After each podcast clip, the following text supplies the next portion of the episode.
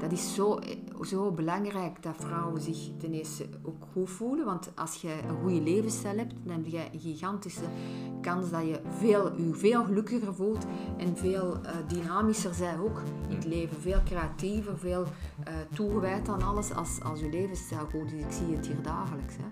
Dus dat is u, u, inderdaad uw gewicht in de oog houden, maar ook niet zeggen ik wil terug in mijn trouwkleren. Dus een gewicht dat je je goed bij voelt, hè, dat je maatje meer hebt. Dat kan zijn dat je veel beweegt, uh, dat je gezond eet uh, en dat je de dingen doet in je leven die je graag doet. En dat is nu iets in de menopauze, dat je ook die transformatie maakt van wat doe ik graag en wat wil ik niet meer. Hè? Wil ik iedereen blijven pleasen, want dat zit in ons genen van vrouwen, hè? dat we dat perfectionisme nastreven, dat we altijd uh, de goede gastvrouw willen zijn, iedereen willen pleasen, we willen altijd dat er geen oorlog is, dat iedereen content is. En dat je ook eens durft nee te zeggen, dat vind ik ook belangrijk als je op die moment in de menopauze bent aangekomen, dat je eens kiest voor jezelf, dat je volmondig dat kunt zeggen, nee, ik kies voor mezelf. Live Me Podcast. Je levensstijl als medicijn voor een betere gezondheid.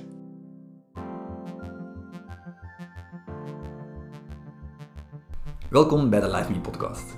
Ik ben Lende Nijs, kinestherapeut en gezondheidswetenschapper. Dankzij mijn klinische en wetenschappelijke ervaring ben ik ervan overtuigd geraakt dat we niet alleen de symptomen van gezondheidsproblemen moeten bestrijden, maar ook de onderliggende oorzaken ervan moeten aanpakken. Dit vereist een functionele en levensstijlgerichte aanpak.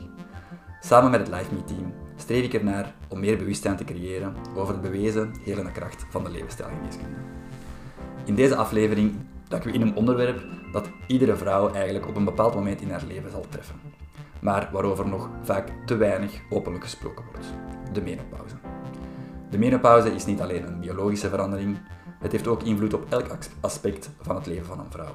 Of het nu gaat om lichamelijke symptomen, emotionele schommelingen of zelfs de manier waarop we naar onszelf in de spiegel kijken. Maar hoe kunnen we deze overgang beter begrijpen en beheersen? Hoe kunnen we onszelf ondersteunen met de juiste levensstijlkeuzes en wat kan een samenleving doen om dit natuurlijke proces te normaliseren en te herkennen en te erkennen? Om deze vragen te beantwoorden spreek ik vandaag met gespecialiseerd verpleegkundig orthomoleculair menopauzeconsulent Leen Steijaert. Zij zal haar inzichten en expertise delen over de menopauze, hoe we de uitdagingen ervan kunnen aangaan en waarom het zo belangrijk is om het gesprek hierover te blijven voeren. Dus ga lekker zitten, zet je koptelefoon goed en laten we eraan beginnen. Welkom, Leen Steijaert. Dank u wel, Len, en dank u voor de uitnodiging dat ik hier mijn verhaal eens kan doen. Ja, je zei het al, ik ben Leen Steijaert, gespecialiseerd verpleegkundig orthomoleculair menopauzeconsulent en borstweefseltherapeute. Um, de passie van mij is eigenlijk de menopauze. Dat is iets dat al jaren voor mij een heel belangrijk onderwerp is. Uh, ik ben er mij in gaan verdiepen toen ik eigenlijk snel, vrij vroeg in de menopauze kwam, rond mijn 6, 47. Hm. Um, en op dat moment heeft men ook gevraagd, omdat ik uh, bezig was met, veel, met werken met veel vrouwen, hebben ze mij gevraagd om eigenlijk daar een boek over te schrijven. En ondertussen heb ik al heel wat boeken over de menopauze geschreven. En het is nog steeds een heel belangrijk onderwerp waar ik mij nog steeds meer en meer in verdiep. Ja, ik zie ze hier staan. Het is echt een uh, impressionante ding.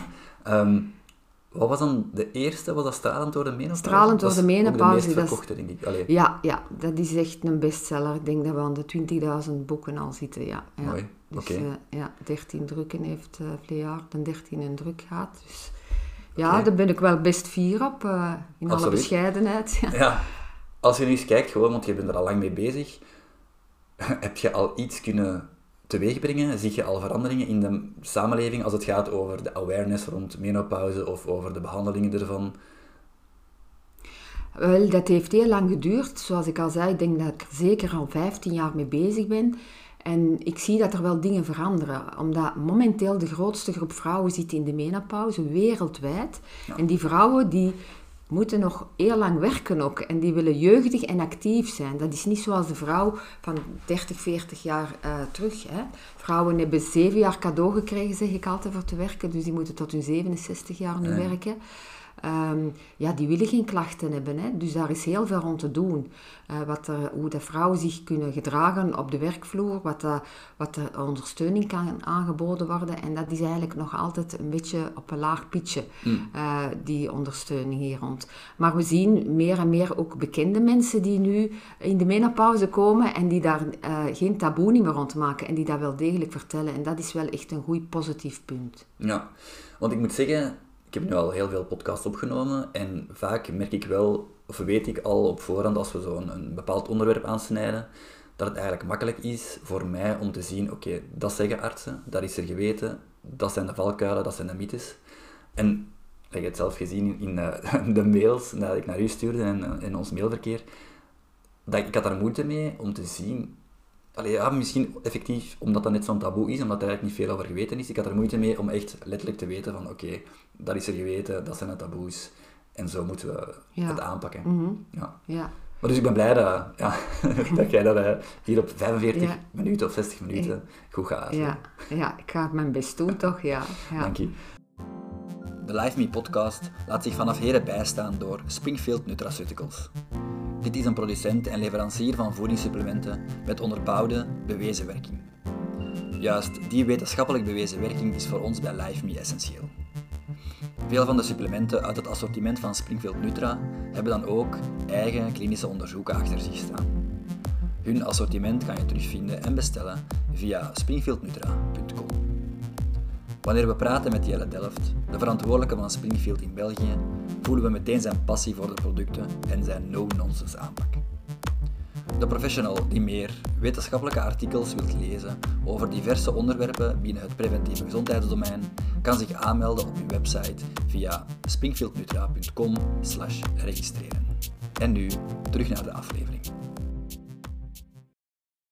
Algemeen is gewoon het onderwerp inleiden. Wat is menopauze? De fases van menopauze en wat zijn de mhm. symptomen? Misschien daarmee beginnen. Ah, wel, uh, we gaan al eventjes over de naam of de naamverwarringen uh, spreken eigenlijk. De menopauze is eigenlijk de eerste dag van je allerlaatste menstruatie en dat weet je pas een jaar later. Als je in dat jaar nog eens gemenstrueerd hebt, moet je opnieuw beginnen tellen. Hm. De overgang is eigenlijk de periode dat je eigenlijk klachten begint te krijgen totdat je in de menopauze bent. En in Nederland gebruiken ze dat juist. Ze spreken over de overgang. Wij, gebruiken, wij spreken altijd over de menopauze, terwijl dat we eigenlijk de overgang bedoelen. Maar de menopauze is eigenlijk maar één dag. De ah, periode die na de menopauze komt, noemen we eigenlijk de postmenopauze. De periode die voor de menopauze uh, komt, is de premenopauze, maar dat is eigenlijk alles dat er voor de menopauze komt. Hè. Dus om eigenlijk te zeggen, de periode die komt vanaf dat we klachten hebben voor de menopauze, noemen we de perimenopauze. Dus rond de menopauze, de periode daar rond. En die kan zelfs uh, twee tot vijf, zelfs tien jaar voor uw eigenlijke menopauze, kan die al beginnen. En dat wordt hm. dikwijls niet erkend. En dat is eigenlijk het, het, het heel lastige aan de zaak. Ja, Ehm, hoe kun je dat dan net herkennen? Of hoe weet je van, ah, oké, dit zijn de symptomen dat ik heb, of dit zijn de symptomen die te wijten zijn aan? Ik, ik spreek niet al te graag over symptomen, want symptomen wijst op ziekte. Het is hm. een natuurlijk proces. Elke vrouw gaat er doorgaan. Uh, maar het kan natuurlijk een aandoening worden in die zin, als je heel lang zonder oestrogenen zit, dat je wel andere kwalen kan krijgen die op hm. termijn heel, uh, heel ehm, moeilijk zijn om, om mee te leven eigenlijk, bij manier van spreken. Osteoporose, hart- en vaatziekten. Ja, dat zijn de klachten die je op langere termijn kunt ontwikkelen. Hè. Er zijn nu ook onderzoeken bezig dat dementie ook uh, uh, eigen is aan die oestrogeenverlies eigenlijk. Hè. Dus de eerste klachten die, die zijn heel vaag zo. Zoals ik al zei, ja, vijf of zelfs tien jaar daarvoor uh, vrouwen die aan premenstrueel syndroom lijden, dus dat is de, zo wat klachten voordat je mhm. menstruatie hebt. Die klachten worden op dat moment wat versterkt. Uh, je begint slechter te slapen. Uh, je hebt het te warm s'nachts. je voelt dat je model verandert. Dat je zegt, ik, kan, zie precies dat ik wat breder op, mhm. mijn, op mijn heupen word. Hè, dat mijn taille wat verdwijnt. Oh, ik kan zo moeilijk mijn gewicht houden. Um, uw, ma uw maandstonden, menstruaties worden onregelmatig. Je hebt geslaagd al eens over, hoe dichter dat je tegen die menopauze mm. komt, geslaagd al eens over. Ehm, je hebt al eens heel hevig, uh, je hebt al eens een bruin veegje. Die klachten die kunnen zo verschillend zijn, dat wordt dikwijls niet erkend. En uh, ze gaan naar hun arts en ze gaan met antidepressiva naar huis. Mm. Dat is een, iets dat eigenlijk heel dikwijls gebeurt eigenlijk in die premenopauze. Ja. ja. Omdat het onbegrepen is, omdat de artsen dan niet goed de diagnose kunnen stellen. Ja, en, en dat is, ja inderdaad, en dat is soms uh, heel verwarrend. Want uw hormonen worden geregeld vanuit twee hersencentrums, hypothalamus, hypofyse, mm. die ook uw schildklier, uw bijnieren en uw eierstokken eigenlijk regelen. En die centrums liggen heel dicht tegen elkaar. Daarmee lopen die, uh, die symptomen ook, of die verschijnselen ook helemaal door elkaar. Dus hoofdpijn, dat kan zijn dat je, dat je hoofdpijn hebt omdat je um, hormonenschommelingen hebt, of dat kan zijn dat je hoofdpijn hebt omdat de schildklier wat minder werkt. Hè? Mm. Dat zijn allemaal symptomen die door elkaar lopen en slecht worden erkend. En als vrouwen met heel veel klachten komen, en ze hebben ook wat depressieve gevoelens, dat kan er ook bij komen, of humeurschommelingen, want hormonenschommelingen kan van jezelf een heks maken. Je kunt echt een ander persoon worden als je hormonen niet goed zitten. Dus die dokter denkt dan misschien, oh, die heeft het heel moeilijk, die vrouw. Uh, ze lijdt aan een depressie. En dat gebeurt heel regelmatig, dat vrouwen hier bij mij komen met heel veel klachten. Ze krijgen dan antidepressiva, maar de klachten zijn ook niet opgelost. Mm. Dat is jammer. Ja, het onderliggende probleem is, is, het zeker niet Ja, is zeker niet opgelost. Ja, klopt. Ik heb er twee vragen bij. Eén, je sprak heel vaak over het herkennen is dan, ah ja, soms slaagt je je maandstonden over, uh, je hebt dan een keer een veegje. Wat als mensen de pil nemen, dan, je, dan kun je daar niet aan. Dat is heel, ja. Soms, sommige vrouwen die de pil nemen, die voelen ook klachten. Dat ze toch humeurschommelingen ook op, op, hun, op hun, hun gewicht niet kunnen houden. Mm. Of, of s'nachts toch opvliegers. Maar er zijn vrouwen die gewoon probleemloos door de menopauze gaan. Door die premenopauze of perimenopauze. Zonder dat ze al te veel klachten hebben. Daarom wordt ook dikwijls de pil aangeraden om nog een tijd verder te nemen. Maar dat ah. heeft ook zijn nadelen. Ja. Vanaf de leeftijd van 50 is het niet aangeraden om hormonen nog oraal in te nemen. Uh, omdat het risico op trombose stijgt. Ja.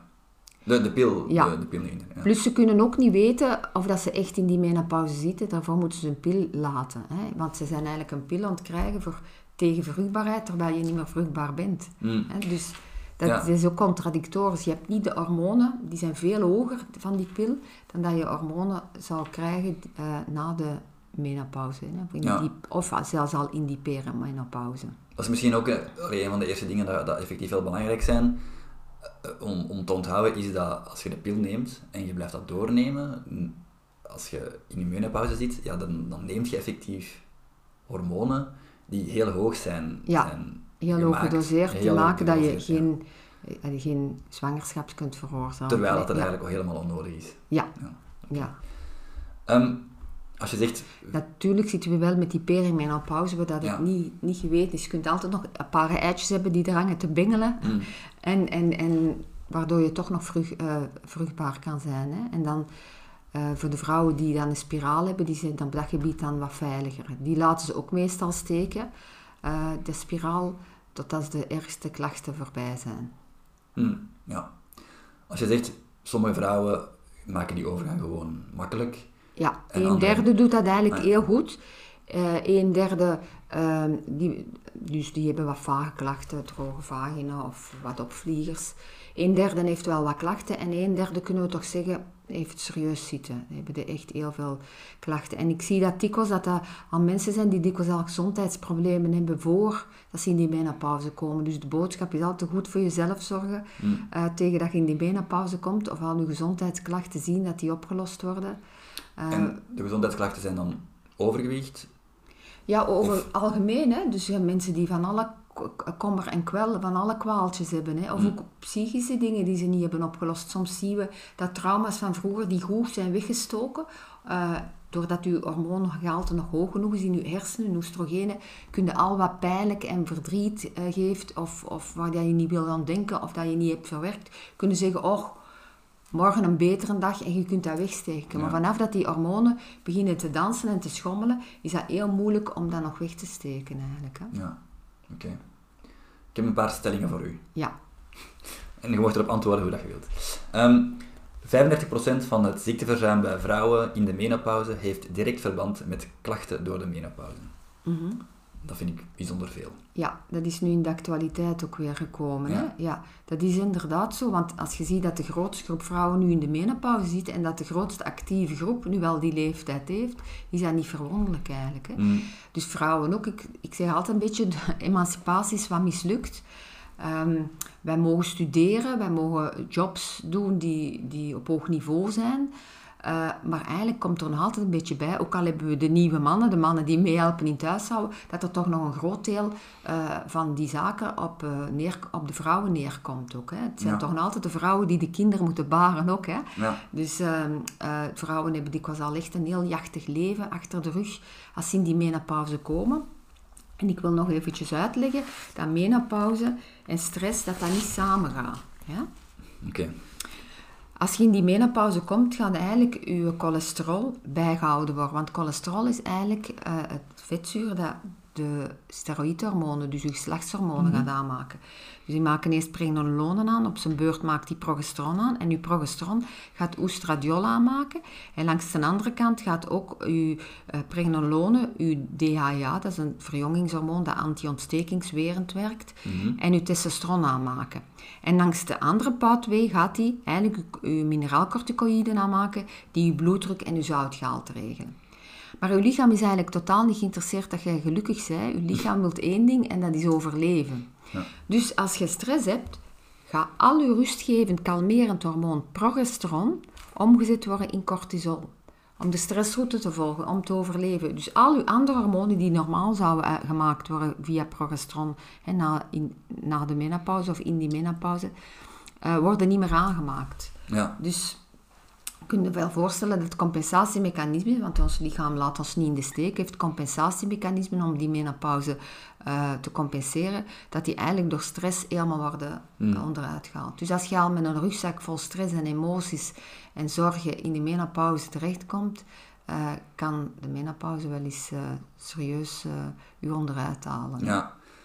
Ehm, ik heb net een zegswijze gehoord.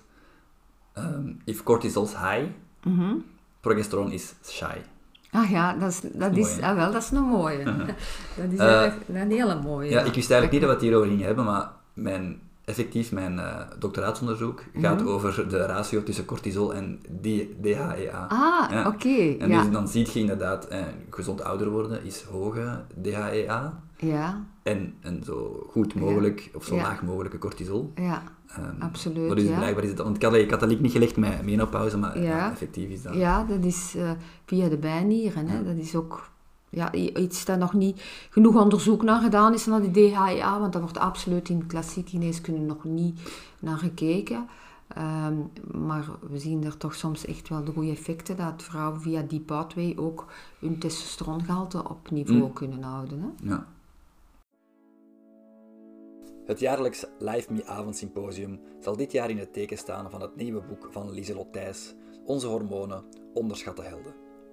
Wil je meer te weten komen over het belang van ons hormonaal systeem voor onze algemene gezondheid en wil je bruikbare inzichten en tools krijgen om je eigen hormonale gezondheid te verbeteren? Kom dan donderdagavond 7 december naar het Max Weber Auditorium van de KU Leuven waar onder andere Lieselot Thijs, Wensel Top en ikzelf het zullen hebben over de onderschatte helden, namelijk onze hormonen. Surf naar liveme.be of check mijn Instagram-account at huisderlevenstijl.be voor meer informatie over dit event. En nu terug naar de aflevering. Volgende stelling. Ja, Menopauze betekent dat je oud bent, bergafwaarts vanaf hier. Helemaal niet, helemaal niet. Ik weet nog ehm, dat mijn, een van mijn eerste interviews op televisie was dat de eerste menopauzeconsulent in België. En ze interviewde mij en tussendoor liet ze zo filmpjes zien van vrouwen in de menopauze. En er was een dame die gezet was en die op haar fiets aan het rijden was. eh, helemaal wit-grijs haar. En in haar fietszak zaten er eh, prijsstokken en groenten eigenlijk echt. Zo, dat is echt het, het, het niet typische beeld van de menopauze. Wij hebben allemaal dat beeld, een ouder wordende vrouw. Ehm, maar dat zijn jeugdige vrouwen, vrouwen van 45, 50, 55, die staan nog volop in het leven. Dus dat zijn geen oude vrouwen, die mm. hebben nog heel wat jaren te goed en die beginnen dikwijls aan hun tweede leven. We zeggen dat toch, hè? de menopauze, of na de menopauze is je tweede leven. Mm. Uh, je doet de dingen die je al altijd hebt willen doen. Allee, dat is toch de bedoeling als je emotionele transformatie maakt, dat je toch uh, dingen doet in je leven dat je altijd al hebt willen doen. Het is nu de moment, hè, wanneer gaat het anders doen? Hè? Want het, het laatste derde deel van je leven mm. uh, gaat, nu, uh, in, in, gaat nu aanvang, aangevangen worden natuurlijk. Wat is de emotionele transformatie? Dat heb ik nog niet gehoord. Emotionele transformatie is dat je de vrouw wordt die dat je werkelijk bent. Uh, als je nog in die vruchtbare periode bent, hè, dan ja, wil je voor iedereen aantrekkelijk blijven. Hè. Ehm, Vruchtbaarheid wil ook zeggen seksueel aantrekkelijk zijn, ook voor, voor andere personen. Seksueel aantrekkelijk zijn wil ook zeggen, ik, ik ben gezien, ik mag er zijn. Hmm. dat is heel belangrijk, dat heeft een grotere connotatie. Het verlies van vruchtbaarheid bij vrouwen heeft een hele grote impact op de emotioneel welzijn van de vrouw. Hmm. Want uh, niet meer vruchtbaar zijn, zoals ik er net zei, is niet meer aantrekkelijk zijn, niet meer gezien worden. Dus ehm, vrouwen zijn dan op de top van alles op hun 50. Mannen ook, maar mannen moeten niet uh, omgaan, kopen eigenlijk met het, het, uh, het verlies van hun ja. vruchtbaarheid. En dat is voor vrouwen heel belangrijk, ja. Oké, interessant. Um, nog eentje misschien? Naar aanleiding van uw nieuwste boek, Menokilo's. Mm -hmm. uh, je zal onvermijdelijk aankomen tijdens de menopauze, ongeacht je dieet. Dat is niet voor iedereen zo. Hè. Er zijn heel, wat vrouwen uh, die aankomen uh, in die premenopauze of in, die, in de periode na de menopauze ook nog. Uh, maar dat is niet voor iedereen. Het, hangt van heel veel factoren af. Hè. Hoe dat je levensstijl ervoor was. Ehm, uh, hoe, hoe, dat het in uw genen zit, maar u, u zeker als leven, levensstijlwetenschapper uh, weet dat ook, dat we met de epigenetica ons genen kunnen omzetten, dat die niet tot uiting komen. Dus dat we uh, de juiste dingen toepassen om onze gezondheid goed te houden. Dus dat is niet voor iedereen zo, maar een groot deel van de vrouwen heeft toch op een of andere manier moeite om uw gewicht te houden. Ja, dat klopt. Maar is het dan abnormaal om 4, 5 kilo bij te komen? Het is niet abnormaal van enkele kilo's bij te komen. Als je natuurlijk al 5 of 10 kilo te zwaar wordt en je komt nog eens 5 kilo bij, mm. dan is dat natuurlijk uh, misschien voor uzelf ook een probleem en voor uw gezondheid kan het ook een probleem worden. Zelf ben ik ook 4, 5 kilo zwaarder dan dat ik was voor mijn menopauze. Mm En ik laat die... Uh, kilootjes eraan. Ik, ik vind dat ik veel te veel moeite moet doen om die eraf te houden. En die komen er dan toch terug bij. Het is als het ware dat ik voel dat ik dat nodig heb. Ook nog om, om er te kunnen staan. Ook als je ziek bent, voel ik ook, als je ouder wordt, dat je... Uh, uh, niet zomaar zegt, ik neem eens een, een, een pijnstiller en ik doe voort, je bent ziek, hè, je kan minder eten en dan zie je dat je die vetreserve toch ook wel wat nodig hebt. Ja, oké. Ehm, voor de mensen die toch zoiets hebben van, ja, maar ik wil echt mijn gewicht blijven, of oké, 4, 5 kilo max erbij. Wat zijn zo gewoon overal de, de toptips die je misschien zelf toepast in je leven om op je gewicht te blijven? Ja. Of om gezond te zijn? Alleen, we zien dikwijls, vrouwen doen zo hun best om, om te, uh, af te slanken. Ze gaan veel sporten. We zien dat echt vrouwen die ineens gaan vanuit het niets enorm gaan sporten. Dat is ook niet zo gezond, want die cortisol gaat ook mee omhoog. Mm. Zeker als ze een stressvol leven hebben. die, die gaan eh, de, een, allee, al die crashdiëten gaan volgen. Dat is zeker niet de bedoeling mm. van, van uh, dat te doen. Ehm, wat dat wij ook zien, dat je door inderdaad de gezonde voeding Sowieso, dat is de basis, maar bijvoorbeeld andere dingen toe te passen, hè, maximum twee of drie maaltijden per dag, eventueel met intermitterend vasten. Hè, uh, zien dat je suikerspiegel stabiel blijft, dat is heel belangrijk. Uh, er zijn nog factoren, hè. Je, stofwisseling gaat sowieso achteruit, je spieren verminderen. Hè, dus uh, een beetje sport, vooral veel, veel bewegen. Hè, wat krachttraining, krachttraining wil doen, Nordic walking, tai chi, yoga uh, fietsen. Uh, dat, is, dat is eigenlijk, zijn allemaal bewegingsoefeningen mm. die voor vrouwen heel belangrijk zijn in de menopauze. Ook voor uh, een beetje een figuur te kunnen houden. Maar de rolletjes gaan toch komen, dat zeg ik altijd. Mm. Aanvaard die. Want die rolletjes zijn eens ook dikwijls uh, vet dat loskomt. pardon, huid dat losser wordt. En daar gaat uw vet wat in hangen. Ik laat altijd eens zien aan de vrouw. Ik zeg, je moet dat eens omhoog trekken hier aan uw buik, uw vel, hè, uw huid. En dan zie je dat die vetlaag dat dat nog heel goed meevalt. Hè. Ah, dat is ook door de huidverslapping dat we rolletjes krijgen natuurlijk. Hè. Het is geen vrijgeleide voor te zeggen dat je grote rollen moet krijgen, maar toch, elke vrouw, zelfs een slanke vrouw, krijgt rolletjes in de menopauze. Ehm, wat dat ik zelf ook een, een, een voorstander van ben, van, en daar zien we ook dat vrouwen beter hun gewicht kunnen houden, is van de bio-identieke hormoontherapie toe te passen. Ja. Buiten de absoluut eerste vereiste levensstijlaanpassingen sowieso, eh, zijn we bijvoorbeeld, eh, ben ik toch voorstander ook van bio-identieke hormonentherapie te doen. Want het is ongezien dat wij nog zo lang leven zonder hormonen. Dat we Mm. eigenlijk 90 jaar worden. En vrouwen die dan maar 45 zijn of 48 als ze in de, in de overgang komen, die dan eigenlijk nog 40 jaar zonder hormonen zitten, dat is eigenlijk ongezien. Ja, we gaan daar zeker op dubbel klikken. Mhm. Maar eerst even uitzoomen. Ehm, als er iemand ehm, met klachten, of perimenopausale klachten, hier binnenkomt, wat zijn dan de conventionele, ah, wat is de conventionele aanpak nu? Wat zijn de voor- en nadelen daarvan? Om dan zo door te gaan naar die bio-identieke hormonen. Ik heb heel dikwijls vrouwen die ergens anders niet gehoord worden. Hè, die naar een arts gaan, die tien minuutjes daar binnen zijn en die, die, dat die moeten horen. En dat is niet één vrouw die mij dat vertelt, dat zijn er heel veel. Je moet er maar leren mee leven. Dat is het begin van de oude dag. Ja. En de- dat is de natuur en je moet ze een gang laten zijn. En vraag hier niet dat je hier jong wilt blijven, hè? dat je hier pillen wilt hebben of iets. Hè? Dat hoor ik spijtig genoeg heel regelmatig. Hè? We hebben dan ook vrouwen die dan ondersteund worden, nog door, zoals we er juist al eventjes hebben aangehaald, door een pil. Die de artsen die zeggen, neem die pil maar voort. Hè? Of- De anticonceptiepil. de anticonceptiepil, hè? Ja. Ja, dat, hè.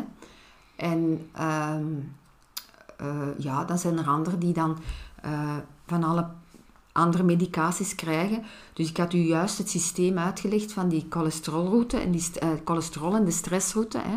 Dus in plaats van daar die, bijvoorbeeld die bioidentieke hormoontherapie voor te schrijven, krijgen vrouwen bijvoorbeeld slaapmiddelen, want ze kunnen veel minder goed slapen. Ze krijgen bloeddrukverlagers, want zoals ik zei, er is invloed Mm. op die bloeddruk.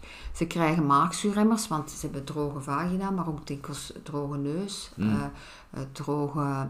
De slijm, slijmvliezen van de, van de slokdarm drogen ook uit. Ze gaan minder goed verteren. Daardoor krijgen ze maagzuurbranden. En daardoor krijgen ze maagzuurremmers. Waar je ook niet meer van afraakt. Dat is dikwijls levenslang. Ehm, antidepressiva, zoals we al een paar keer hebben aangehaald. Dus dikwijls hebben vrouwen van 50 al vijf of zes medicaties die ze moeten levenslang innemen, terwijl dat er andere oplossingen zijn. Want hè. medicatie dat is puur voor de symptomen te onderdrukken, maar ze gaan niet kijken naar wat er onderliggend Wat eigenlijk dat eronder oorzaak is. ligt, het is echt symptomatisch, symptoom per Ja. symptoom. Ja. Niet wat is er onder het geheel eh, aanwezig. Ja. Oké. En wat zou uw insteek dan doen? Hoe kunnen we dan naar het effectieve, het- de oorzaak eh, gaan? Ja, ehm, ik ben natuurlijk geen arts, Mhm. hè, maar ik, ik heb mijn, eh, ehm, mijn ervaringen met eh, voedingssupplementen bijvoorbeeld voor bepaalde klachten te ondersteunen. Wij zien bijvoorbeeld heel goede resultaten met duindoornolie voor de vagina, de droge vagina of de droge neus, droge ogen. Dat werkt Mhm. heel goed. Eh, we zien ook eh, producten zoals maca, dat hormonaal ondersteunt. We zien de adaptogenen, dat zijn eigenlijk stoffen die uw stresssysteem gaan ondersteunen. Je hebt erbij, zoals ashwagandha, die uw stresssysteem ondersteunen, maar eerder rust en, en eh, kalmte gaan eh, geven aan u. En je hebt de andere, ash- eh, de rhodiola bijvoorbeeld, of de ginseng, die meer uw energie gaan geven, maar toch uw stresssysteem in, in, in evenwicht gaan Ja. houden. Hè. Die zaken worden, en uiteraard ook de levensstijl, voeding en zo wordt besproken. Mhm. Dat is voor vrouwen die kiezen voor een, een niet-hormonale behandeling. Hè. Ja, Maar ik heb heel dikwijls ook vrouwen die echt al onderuit gaan, die heel veel klachten hebben. Zelfs vrouwen die al wat ouder zijn, die al vijf tot tien jaar, vrouwen van 60 bijvoorbeeld, die al vijf of tien jaar met enorm veel klachten eh, lopen, waardoor dat hun levenskwaliteit heel erg achteruit gaat, waardoor dat ze echt ook depressieve gevoelens krijgen. Hè. En dan wordt dat verkeerdelijk ook weer eens aanzien als een depressie. Mm. Ja. Ehm, ik denk dat de overall consensus onder de, de wetenschappers is dus dat je best vroeg begint eh, met enerzijds ehm, die, wat, wat jij zei, dus de supplementen, de levensstijl, allee, of levensstijl Ja. in het algemeen, suppleme- supplementen dan, zoals wat jij beschreef, plus hormoontherapie. Mhm. Bij mensen die problemen hebben. Ja, Maar hoe gaat dat net in zijn werk? Want er zijn ongelooflijk veel mythes rond. Oei, maar eh, hormonen bijgeven is niet natuurlijk. Dat Ja. veroorzaakt borstkanker of andere Ja. soorten kankers. ja, daar is... Hoe, Ja. als er een vrouw hier in de praktijk komt, jij beslist, oké, voor u, en dus de, de mensen die eigenlijk heel vroeg klachten hebben, ehm, om dan hormoontherapie plus suppletie te geven. Hoe leg jij dat dan uit aan die mensen? Horm- ehm, ja, ehm, die hormoontherapie. Ja, wel, er is een heel groot verschil. HST lezen we altijd. Hè. Dat is Ja. hormoonsubstitutietherapie. Maar er is een groot verschil tussen de synthetische hormonen en de bio-identieke hormonen. Ik, ik verschiet altijd van het feit dat vrouwen, dikwijls meisjes al van 11, 12, 13 jaar voor pijnlijke maandstonden of acne of zo, de pil krijgen gedurende 40 jaar. En op het moment dat hun hormonen naar beneden duikelen, want vanaf 30 jaar zakken hun hormonen en in de menopauze duikelen die gewoon naar beneden, dat dan ineens die pil eh, wordt gestopt, ofwel nog eventjes doorgegeven, wat hebben we al aangehaald. En dat de vrouw voor de rest van haar leven zonder de hormonen moet doen. Wacht, Maar even voor de duidelijkheid, de hormonen is dan oestrogeen. Oestrogeen Ja. en progesteron. Hè? Ja. Er zijn natuurlijk nog hormonen, Ja. maar die, we hebben het nu over de twee vrouwelijke hormonen. Zoals ik al zei, het is ongezien dat wij zo lang, hè, vroeger eh, in 1900 leefde de vrouw gemiddeld 46, 8, 49 jaar, maar dat was een gemiddelde van de kindersterfte werd erbij berekend. Er waren ook vrouwen die 70 of 80 jaar werden, maar dat was bijna niet het aantal, dat was heel weinig. Plus die vrouwen hadden niet, eh, het, het, eh, dat waren wel vrouwen die dikwijls tien kinderen hadden of, of op het land moesten werken of zo, maar toch niet de stress die vrouwen de dag van, van vandaag nu ervaren. Ja. Hè? De eh, stress op het werk, de stress van luchtvervuiling op het lichaam heeft dat ook enorme stress. De xeno-oestrogenen in het milieu, de toxines en zo, dat vraagt heel wat van een vrouw, eh, zijn, haar lichaam. Ja. Hè. Ehm, en vrouwen willen ook actief blijven. Vroeger bleven vrouwen, als ze s'nachts niet geslapen hadden of een moeilijke nacht, Ah, ja. bleven achter de leuvenstoof een dutje doen. Mm. Hè. Dat is nu niet mogelijk, want ze werken bijna allemaal. Hè. Ja. Eh, dus dat is helemaal anders. Dus ehm, met de bio-identieke hormonen zijn we dan wel een voorstander van. En dat is niet natuurlijk, want dan zeggen ze, ja, er is ook, dat is natuurlijk. Dat is niet natuurlijk. Wat dat verschil wil zeggen, bio-identiek wil zeggen dat je identiek de biochemische formule hebt als je eigen lichaamshormonen. Als je het nog in school weet, u, u zult het zeker wel ook weten. En dus koolstof, waterstof, die formule, die biochemische formule, is bij de bio-identieke hormonen identiek als je eigen lichaamshormonen. Mm. En ze worden ook wel eh, uit de wilde jam wordt dat getrokken. En zoals ik al zei, dat is ook niet natuurlijk. Maar wat is er natuurlijk? Alleen een salithee die je in je hof plant en je knipt en daar thee van maakt. Daar kan je iets, dat is natuurlijk. Maar een kruidextract worden ook de werkzame bestanddelen gestandaardiseerd en in een labo gemaakt. Met een voedingssupplement is dat ook zo. Hè, dus, en dat is ook met de bio-identieke hormonen, die worden uit die wilde jam getrokken, de werkzame bestanddelen. Dat wordt dan voor de oestrogeen op een gelletje gebracht en voor de progesteron wordt dat in een soort eh, zachte tablet, uh, gelul, eh, gestoken eigenlijk. Ehm, die bio-identieke hormonen hebben eh, een slechte naam ook gekregen, omdat er geen verschil is gemaakt tussen synthetische en bio-identiek. Ik zei het al, HST, dat is alles over dezelfde kam scheren. En in 2002 is er een grootschalig onderzoek vroegtijdig eh, stopgezet, omdat daar meer eh, uitkwam dat er zou kanker en zo ontstaan. Dat heeft de pers enorm gehaald. Al die vrouwen zijn gestopt met hormoontherapie.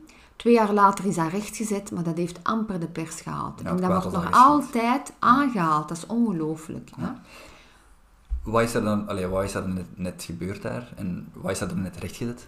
Dus die cijfers die bleken bijvoorbeeld, er waren heel veel vrouwen die al 60 jaar waren. Er waren erbij die, veel die rookten, die overgewicht hadden. Want ik heb hier u een tabelletje dat ik u ook kan laten zien.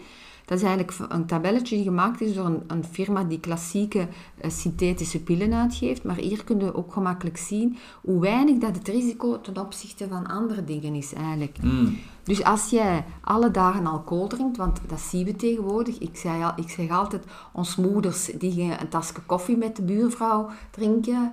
Ehm, wij drinken een glasje kava en ja. een wijntje, maar de jonge mensen tegenwoordig drinken gin tonics, de vrouwen. Dus dat is voor hun gezondheid Ja. echt, vraag ik mij af, als die in de menopauze gaan komen, hoeveel eh, klachten gaat die hebben? Hè, maar nu terug te komen op dat tabelletje. Bij alcohol op 1000 heb je 37 meer risico als je alle dagen alcohol drinkt. Overgewicht geeft u 24, duizend, eh, 24 op 1000. Hè. Als je 10 jaar synthetische hormoontherapie neemt, heb je maar 6 stijging. Pakt het 5 jaar 2. En als je sport en veel beweegt, krijg je 18 punten cadeau. Dat hebt a- Dus als jij een gezonde levensstijl hebt en jij beweegt veel, is de kans zelfs met de synthetische hormoontherapie Ja. veel minder groot dan dat je borstkanker zou krijgen. Nee, dan, ja, dan dat je de... ehm, dan dat je alcohol of, of overgewicht zou zou Ja, dan is het alcohol of overgewicht. Dus de, de, de risico's zijn heel klein. En wij gaan dat dan nog eens vervangen door eh, de, eh, hormoon, de bio-identieke hormoon. Ah, ja. Dus eh, die kans is eigenlijk eh nihil. Wat dat er wel onderzoek, dus er is nergens een onderzoek dat bewijst dat je van bio-identieke hormonen Ja. borstkanker krijgt. Wat er wel een onderzoek is dat je als je ehm eh, bio-identiek hormoon, als je al ergens een kankercel hebt zitten, dat dat kan stimuleren. Maar er zijn ook artsen die zeggen, ja, maar dan zou je sowieso kanker hebben gekregen. Ook al Mm, neem je ja. ze wel of neem je ze niet. Als dat er zit, dan zit dat daar. Hè? Nou, even samenvatten. Hè. Dus in 2002 was er een onderzoek dat vroegtijdig was stopgezet, omdat ze, het leek dat er, ehm, dat er heel veel eh borstrisicoverhoging was en hart- en vaatziekteproblemen waren met mensen die, die HST namen, dus die Mhm. hormoonvervangers namen. Nu is dat uiteindelijk rechtgezet en is er gebleken dat dat eigenlijk was omdat er alle leeftijdscategorieën tussen de, tussen de 50 en de 79 werden in één, in één groep Mhm. gegooid. Terwijl Mhm. dat je ziet dat inderdaad mensen die vroeger HST kregen, dat, dan, dat die, dat risico daar niet, niet bij was. En anderzijds, dat wanneer je kijkt naar de cijfers, het tabelletje dat je laat zien, is heel duidelijk te zien dat zelfs met die HST, Mhm. dat de kans van, voor borstkanker nog altijd veel kleiner is dan gewoon twee, dagen per, eh, Ja. eh, twee keer per dag Ja. alcohol te drinken Ja. of ehm, door overgewicht te hebben. mhm. Eh, en zeker als je HST neemt met Mhm. een gezonde levensstijl, is het ja, risico zelfs veel, veel, veel lager. En dat is enkel met HST, want nu zijn er ook die bio-identieke hormonen waar nog veel onderzoek naar gebeurt. Maar dan zeggen ze zelfs nog beter af. Ja. Dus het dingen van, oké, we gaan dat niet doen, want dat heeft bepaalde risico's, is eigenlijk helemaal van de, ta- van de Ja. tafel geveegd. Ja. Zeker als we vroeg gaan beginnen, Mhm. in een lage dosis. Ja, en ook je moet zien aan welke ja, je er in de plaats voor krijgt. Je levenskwaliteit die echt gigantisch Mm. veel verbetert. Hè. En zelfs al zeggen vrouwen, ja, maar ik heb geen klachten, ik ben heel goed door die menopauze gegaan, zijn we ook met de eh, verouderingsklachten, zoals de grote zaken, osteoporose, hart- en bloedvatziekte, dementie, hè, ook eh, eh, andere, andere aandoeningen die kunnen gestimuleerd worden door het, het langdurig verlies aan oestrogenen. Mm. Klachten waar dat we nog niet eens aan gedacht hebben. Ook eh, eh, de, de angsten, heel veel vrouwen komen mij vertellen hoe angstig dat ze zijn, hoe paniekerig. Dat, dat zijn ook zaken die ook heel goed kunnen opgevangen worden door de bio-identieke hormonen. Het moet natuurlijk goed opgevolgd worden. De dosissen zijn nog altijd heel laag. De protocols die artsen moeten volgen zijn 2 tot 5 jaar dat ze maximum mogen nemen met lage dosis. Ah. Ehm, ja, eh, ik ben voorstander. Allee, er wordt gezegd als je het, het risico op hart- en bloedvatziekte echt naar beneden wil halen, want wij halen de mannen in na ons menopauze als eh, eh, doodsoorzaak Mm. voor hart- en bloedvatziekte, dat je minstens tot 60 jaar je bio-identieke hormonen moet nemen. Maar ik ben niet alleen die dat zegt, er zijn ook heel veel artsen en zeker complementaire artsen die zeggen, waarom niet levenslang? Uw brilletje, eens dat je dat draagt, zet je ook niet meer terug af. Eh, als je hormonen moet nemen voor je eh, schildklier, is dat ook levenslang. Moet je insuline nemen als diabeticus, is dat ook levenslang. Dus waarom die hormonen een tijd geven en dan terug afpakken? Eh, Ja. Er wordt dan gezegd, ja, je gaat terug in je menopauze. Nee, vrouwen gaan niet, je kunt niet terug in je menopauze gaan of in je overgang, dat is al lang voorbij.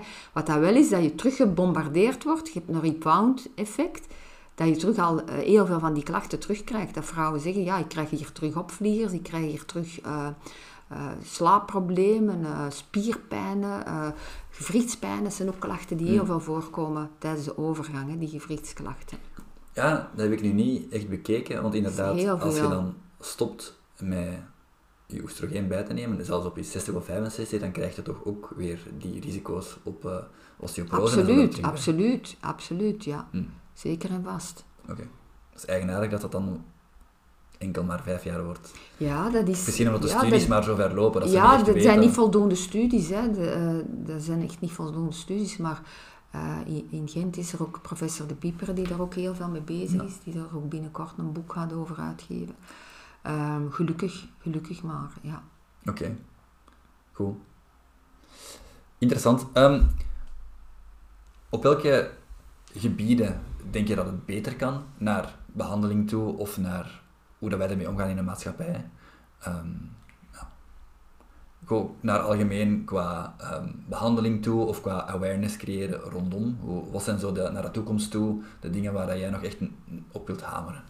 Ja, uh, dat er eigenlijk meer aandacht wordt gegeven aan, aan vrouwen, dat ze weten wat er met hun lichaam gebeurt. Hè? Dat er ook begrip is naar de werkgevers toe. Er zijn heel veel vrouwen die niet durven vertellen dat ze in de menopauze zitten. Dat is een schaamtegevoel. Er zijn ook werknemers, er zijn onderzoek, uh, werkgevers, er is onderzoek naar gebeurd die er ook niet willen van weten. Die, die zeggen, willen daar geen rekening mee houden. Uh, dus dat daar nog heel veel debat kan rond gebeuren en dat daar dingen kunnen in veranderen, dat vind ik zelf wel heel belangrijk. Ja, zeker om, om, om ons job te kunnen blijven doen met veel volharding en veel voldoening. Hè? Ja zeker naar die, ik zeg maar iets, opvliegers toe, in de, in de vergaderruimte bijvoorbeeld. Ja. Nou, Ik, ik veronderstel dat als een vrouw ineens zegt van, oh ja, nu moet ik hier even, uh, want ik krijg hier een opvlieger, dat, dat, dat mensen heel gek gaan reageren. Ja, en dat is, ja, absoluut. En dat je ook moet weten dat dat voor niks nodig is. Het is niet dat wij, zoals ik al zei, dat Eva van die appel weer moet bijten, dat we moeten afzien om tot die transformatie te komen. Dat is voor niks nodig. Niemand hoeft al die opvliegers of, of uh, die uh, klachten te hebben van de menopauze. Er is voor elk verschijnsel is er iets aan te doen. Um, het is alleen te bespreken wat die vrouw wenst. Hè. Zegt ze, ja, ik wil dat met voeding, voedingssupplementen. Dan krijg je wel een paar klachten mee opgelost. Maar ik wil echt ten gronde gaan en kiest voor bioidentieke hormonen, moet er ook een goede opvolging zijn, dat die vrouwen uh, op termijn ook worden opgevolgd. Niet van hier zeg, geef twee pompjes oestrogel en hier uw progesteron en doe het de rest van uw dagen.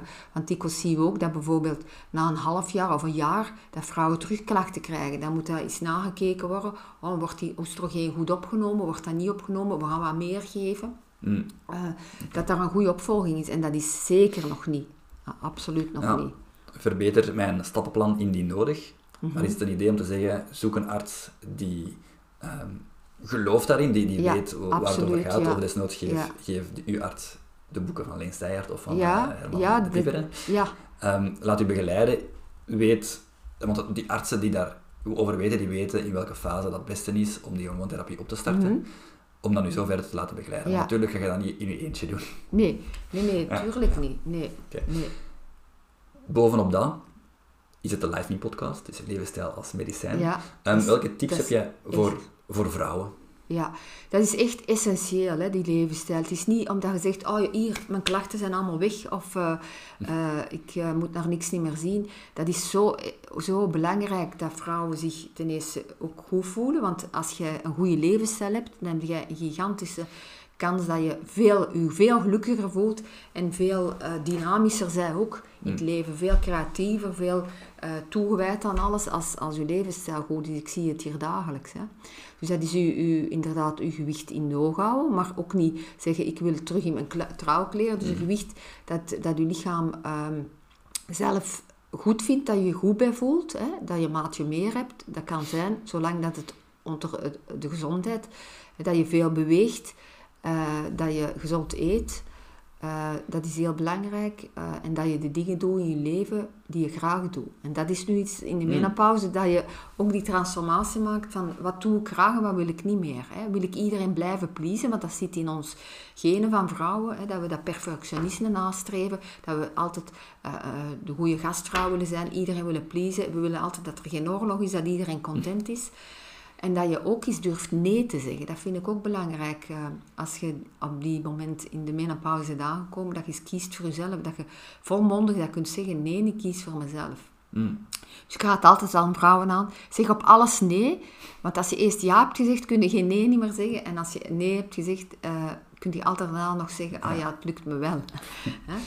okay. um, dat zijn zo de belangrijkste dingen. En daar kun je natuurlijk tot in detail nog gaan van welke levensstijl aanpassingen. We hebben het al aangehaald. Uh, minder frequent eten, minder eten. Hè. Kiezen voor de, de juiste dingen voor het eten. Minder snelle koolhydraten. Hè. Minder voeding met E-nummers, dat je de verpakking eens naziet. Mm, onbewerkt, natuurlijk. Ja, en dat je iets doet met de kookboeken die je allemaal koopt, want er zijn nog nooit zo'n kook, veel kookboeken gekocht als de dag van vandaag. Van mensen die goede dingen schrijven, die goede voeding uh, beschrijven. Maar uh, ik zie toch jammerlijk genoeg dat veel mensen toch altijd nog niet uh, het goede uit die kookboeken toepassen. Geef eens een shout-out naar iemand die goede kookboeken heeft. Hoe zeg je dat? Een, een shout-out. Shout-out. Ja, ah, ja, zo noemen ze dat. Ik ben nog van de oude generatie. Ja, ik vind, eh, zoals iedereen weet, Pascal uh, Nases en, en, en, Sandra Beccari, die mensen doen echt wel hun best. Zijn er nog uh, die, die uh, goed, Elise van der Poel. ik vind dat Rani de Koning ook al een goed boek heeft geschreven. er zijn nog mensen, hè, dan als we mijn Nederlandse collega's, Richard Talet, Ralf mm. Moorman dat ik ook uh, contacten mee heb. Uh, vind dat die mannen dat ook heel, heel goed doen. Ja. Mm. Uh, puur naar, naar levensstijlstrategieën misschien, zal ik nog een, een statistiek zeggen. 66% van de Belgische menopausale vrouwen heeft stramheid van de spieren. Mm -hmm. Welke bewegingstips zou je daarvoor geven? Of wat doe je zelf eigenlijk? Wel, die stramheid, ja, dat is inderdaad... Uh, stretchen en rekken is ook heel belangrijk buiten. De, hè, te zien dat je toch wat krachtoefeningen mm doet. Maar doe dat altijd zeker, deze keren, altijd onder begeleiding. Want je kan heel veel verkeerd doen en kwetsuren hebben. Is uh, eigenlijk stretchen en rekken heel belangrijk voor je gewrichten. Hè. Ook evenwichtsoefeningen is heel belangrijk. Hè. Dat is echt al een beetje die dingen doen. Je bent nog heel jong. Je bent nog allez, heel jong, niet meer zo jong niet meer, maar toch niet oud. Maar dat je nu al die mechanismen inbouwt om uh, elke dag eens twee minuten stretchoefeningen te doen. Uh, uh, evenwichtsoefeningen, dat je met één been iets van de grond kan rapen, bijvoorbeeld met je ogen toe. dan zeggen de mensen, ja, ik kan dat wel, maar als je het ze laat doen, kunnen ze het niet. Dat zijn mm. belangrijke dingen voor je gewrichten en je spieren. En ook natuurlijk die gewrichtsklachten, dat is heel dikwijls oestrogeentekort. Hè? Meestal eigenlijk, ja. Als we dan uh, bioidentieke hormonentherapie aanbevelen en de mensen gaan dat effectief bij hun arts het voorschriftje halen, dan uh, zien we dat die echt dikwijls heel snel opklaren. Ah, Oké. Heb je nog specifieke tips voor um, slaapproblemen? Ja, slaapproblemen, dat is ook zo. Het, uh, het is inderdaad zo dat heel veel vrouwen enorm veel slaapproblemen hebben, maar uh, op den duur is dat ook een angst. Hè? Ook al nemen ze dan dikwijls wel zaken om, om hun slaap te bevorderen of passen ze goede tips toe. Mhm. Het is een angst om niet te slapen. En het, je mag ook wel weten dat het niet abnormaal is dat je onderbroken slaapt. Want mhm. vrouwen denken, oh, ik ben weer wakker, ik ga niet slapen, dat is slecht voor mij.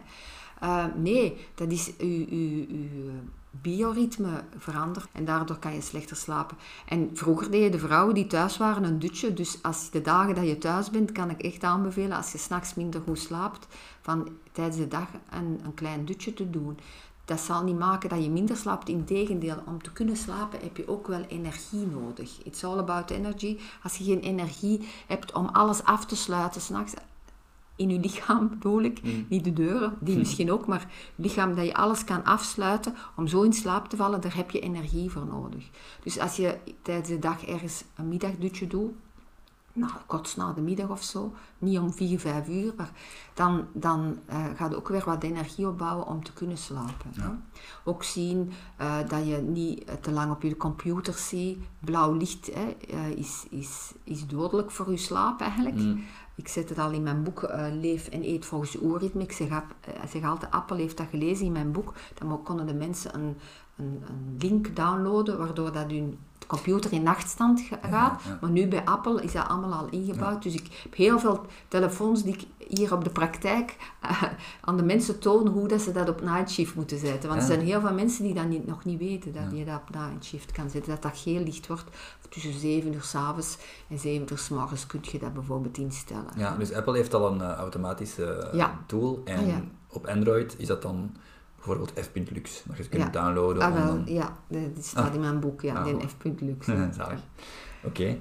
Um, in uw passie en in uw doel om, om, om menopauze eigenlijk taboe te doorbreken, hebben we nog iets niet gezegd? Wil je nog zeker iets zeggen aan de luisteraars of berichten aan de zorgverleners zelf die, die mensen krijgen uh, met uh, mensen die in de overgang zitten? Ja, ik vind heel belangrijk dat vrouwen geen angst rond die periode hebben. Dat ze ook een, zichzelf informeren, dat ze er een boek over lezen. Dat is, uh, zoals er bij mij ook regelmatig iemand komt die zegt, alleen ik kom eens horen, wat staat er mij te wachten? Ik ben uh, eh, 45 jaar, hm. ik hoor van alles en uh, ik wil eens weten, wat staat er mij te wachten? Hoe kan ik me goed voorbereiden? Dus dat er vooral geen angst ontstaat en dat vrouwen zich niet slecht voelen omdat ze niet meer vruchtbaar zijn. Dat is, dat is gewoon een andere fase in hun leven die heel veel voldoening kan brengen. En dat niemand hoeft te lijden, niemand hoeft klachten te hebben. Dat dat ook wel een, een, een zekerheid is. En als je niet gehoord wordt bij je arts of je therapeut of zo, zoekt iemand anders die je wel kan helpen. Hè. Misschien past die op dat moment niet bij u of heeft die te druk of, of is het niet de specialiteit, zijn die meer gefocust op iets anders. Uh, je moet er altijd van uitgaan dat die mensen ook wel hun best doen en dat die u willen helpen, maar misschien niet het juiste onderwerp voor hen. Ehm, zoals dat ik ook niet alle onderwerpen hmm. kan uh, uh, ondersteunen. Is dat wel belangrijk, vind ik, ja. Dat is een mooie boodschap. Ja. Mooi verwoord. Ja. Um, nu, jij hebt de truc. jij bent heel bevraagd. Wat kunnen mensen eigenlijk intypen uh, om de zorgverlener te vinden die echt specifiek weet over menopauze. Want bijvoorbeeld, ja, ik ook. Ik, ik weet dan heel veel van levensstijl, maar eigenlijk mensen die menopauzeklachten hebben, ah, wel, dan moeten die niet per se bij mij zijn. Wat kun je dan intikken om tot op de juiste coach, arts, therapeut te komen? Ah, wel, uh, bijvoorbeeld, uh, sedert enkele jaren is er een opleiding aan de Hogeschool in Kortrijk, wat ik ook verschillende jaren les heb aangegeven. En dat is een opleiding menopauzeconsulent. Die wordt niet elk jaar ingericht, omdat er niet altijd genoeg kandidaten zijn. Maar dat hoop ik in de toekomst dat dat meer en meer zal zijn. En die hebben ook een uh, website uh, een, waar dat ze verenigd zijn. Mm. Dat is menofocus.be. Uh, daar kun je heel wat menopauzeconsulenten vinden. Ook denk ik als je het googelt, menopauzeconsulent. Ja. Dat is toch de eerste stap, want die mensen hebben hun connecties zoals ik mijn connecties heb. Ik weet, er komt iemand bij mij, ik geef levensstijladvies. Ik bespreek eventueel wat dat kan zijn met de hormonen. Willen ze dat, willen ze dat niet? En ik stuur door naar een arts die dat aanpakt. Hmm. Dus die vrouwen, die andere menopauzeconsulenten, want ik denk niet dat er allemaal bestaan, een menopauzeconsulent, die hebben ook hun connecties of de, de artsen waar dat ze mee samenwerken. Ja. En uh, waar dat dan mee klikt of, of, of dat er een goede samenwerking is. Ja. Dus via die weg, ja. En, en je hebt ook artsen nu tegenwoordig, zeker. Je hebt tegenwoordig, ik heb uh, gisteren nog contact gehad met een levensstijl geneeskundige praktijk in het Gentse was dat nu geloof ik. Die vroeg over een samenwerking. Als ik zie dan die ook uh, toch meer met levensstijl en ik denk dat je bij al die artsen ook wel terecht kunt bij levensstijl. Dan kunnen we die... Um, um, is nu Medisch Centrum Leien. Ah ja, oké. Ja, daar werken wij mee samen. Ah ja, ah, wel. Dat, dat was... Tof ja, dat zag je er toch wel, die vroegen samen te werken. Ik zeg, ja, ik wil laten mensen doorsturen. Ik weet niet wat dat ze juist bedoelden met samenwerken. Zeg maar. Ik kan altijd naar jullie mensen doorsturen, want ik heb mensen van over heel België. Mm. Ja. Zeker de moeite om eens verder te bespreken. Mm -hmm. Allee, allee, al ik er zelf mee samen. Ja. Um, waar kunnen mensen u persoonlijk vinden? Of uw boeken? Ja, mijn boeken, ja, die kun je overal krijgen op alle uh, internet en op alle boek, in alle boekhandels zijn ze niet aanwezig, zijn ze altijd snel te bestellen. Um, en mij kunnen ze altijd bereiken via mijn websites of mij telefoneren. Of, uh, ik ben gemakkelijk te vinden. Het internet ja. uh, zal geen, geen probleem zijn. Goed. Dankjewel voor je tijd. Ja. Het was super interessant. Ik heb er Ja. veel van bijgeleerd. Ja. Het is ook leuk om te zien hoe makkelijk dat jij er eigenlijk over spreekt. En je passie dat je hebt. Ik word ook heel, heel eh, leuk ontvangen. Ja, ah, dat is goed, dank u. Ehm, Ja. Ik wou nog één klein dingetje zeggen. Ik geef ook eh, workshops aha. rond menopauze. Ja. Tweedaagse workshops in een abdij in Bornem. En die gaan van start eh, in december, eh 11 en 12 december. En volgend jaar zijn er ook nog een paar datums. Waar dat vrouwen echt, ik werk samen met een gestaltetherapeute, Johanna Pien Savoye, die, waar dat we eigenlijk heel die transformatie gaan begeleiden van de menopauze. Ook uitleggen over wat is menopauze uiteraard en wat kan je eraan doen. Maar ook heel die emotionele transformatie die ondersteund gaat kunnen worden met energieoefeningen. En, en, en- Interessant. ja. Dat komt dan op je website. Eh, dat staat al op mijn website. ehm, en eh, ja, eh, ze kunnen altijd eens contact opnemen ook. Ja, Alright. Ziet er interessant uit. En mooie foto's. Voilà. ja dank u. Goed. Eh, dat was het voor deze aflevering. Ik hoop dat jullie veel hebben geleerd over menopauze en dat jullie dit gaan kunnen implementeren in je eigen leven. Bedankt voor het luisteren naar onze live podcast. En als je op de hoogte wil blijven van onze toekomstige projecten, volg ons dan op Instagram of Facebook. En weet dat we onze levensstijl effectief kunnen gebruiken als medicijn. Bedankt voor het luisteren.